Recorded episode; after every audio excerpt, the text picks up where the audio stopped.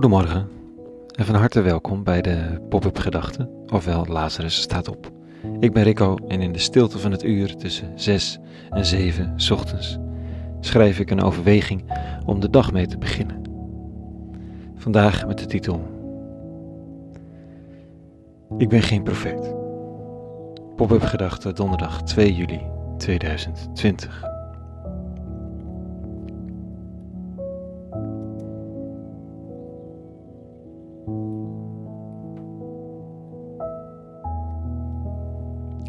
We weten ondertussen dat profeten geen glazen bol hebben. Het zijn geen toekomstvoorspellers die wel even vertellen wat er straks allemaal gaat gebeuren.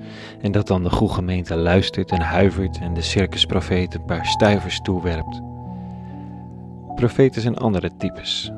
De profeten, in elk geval de Bijbelse varianten, zijn mensen met een hart dat klopt voor de maatschappij, met een scherp oog voor politieke verhoudingen en weet van de maatschappelijke keuzes die gemaakt worden door de machtigen. De oud-testamentische profeten spreken de koning aan en richten zich tot het volk als geheel. Niet om ze door middel van een gave van helderziendheid iets te laten weten van de toekomst, maar om te waarschuwen, terecht te wijzen, op te beuren, hoop en moed te geven en ja, te voorspellen. Maar dan als uitdaging of als hart onder de riem. Zo van weet dat als je deze richting door blijft gaan, dat dan het einde komt. Of deze stad zal weliswaar vernietigd worden en iedereen weggevoerd, maar een rest keert terug en zij zullen weer de verbinding met de eeuwige zoeken en het zal goed zijn. Er is nooit maar één profeet en er wordt nooit zomaar naar profeten geluisterd. Vandaag is het de profeet Amos en een priester probeert de beste man te verjagen door hem aan te geven bij de koning als landverrader. Hm. Je zou voor de grappers op Twitter moeten zoeken hoeveel mensen die voor een rechtvaardig en, en, en gastvrij migratiebeleid opkomen, landverraders worden genoemd. Of nou, als je bijvoorbeeld stelt dat er geen toekomst is voor Nederland, of dat er geen toekomst voor Nederland denkbaar is zonder moslims. Is een statement.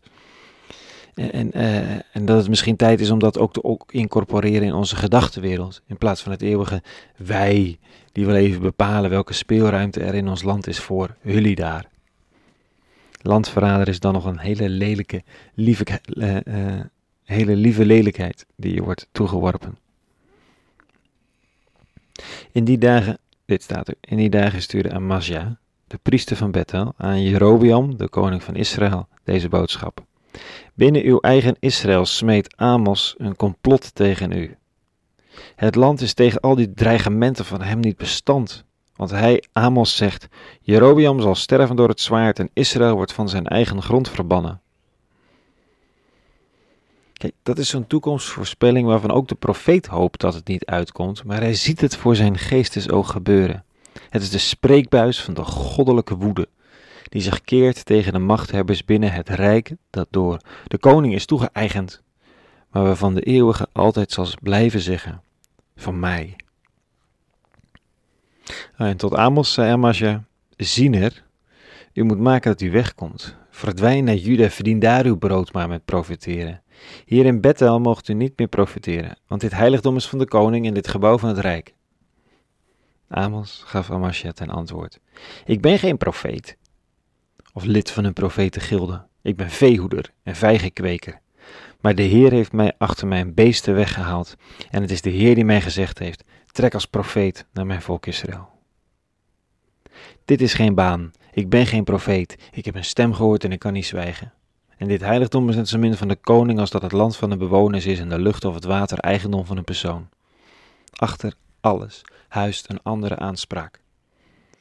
En deze profeet, die er niet voor gekozen heeft om zich te laten opleiden of toe te treden tot een profetenambt, maar nu eenmaal iets onstuitsbaar te zeggen heeft, zal blijven profiteren. Om me heen zie ik journalisten en kunstenaars, lobbyisten en humanitarian workers. Verteerd door bijna goddelijke woede, werpen ze zich met al wat ze hebben in de strijd om dan mogelijk nog 500 kinderen naar Nederland te halen uit kamp Moria. Waar is de profeet? Is hij of zij onderdeel daarvan? Mogelijk wel. Misschien ook niet. Misschien staat hij of zij er ook naast en voorspelt de inktzwarte toekomst van een Europa en een Westen dat zich niet aan de God gegeven genade gelegen heeft laten liggen, maar een vijand heeft gezocht in islam en Midden-Oosten, die een oorlog is gestart met militaire middelen tegen vluchtelingen en mensen onderweg die proberen het vege lijf te redden of een plekje te vinden om een toekomst op te bouwen, door middel van een baantje of iets dergelijks, in dat Europa. Waar is de profeet die de ondergang voorspelt en de voortekenen aanwijst? Die het volk zijn nieuwe Baudet-achtige heersers aankondigt als het zich niet bekeert tot gedreven medemenselijkheid. Waar is dat gezag? Het is echt aanwezig, het kan niet anders. Overal zijn er de vonken van en aanzetten toe. Misschien stel de vraag of ik luister en of wij het horen met elkaar. En dat is ook het lot van zo'n profeet. Dovermans oren. Dus misschien begint het daar wel mee. De oren spitsen of er ergens profetische stemmen zijn, omdat de ondergang uitblijft. Of beter gezegd, omdat het misschien toch nog goed komt. Want soms komt tot het geluk van een ieder de profetie niet uit, omdat men op tijd tot bezinning kwam. Nou, tot zover vandaag. Een hele goede donderdag gewenst. Open oren gewenst en ogen. En vrede. En alle goeds.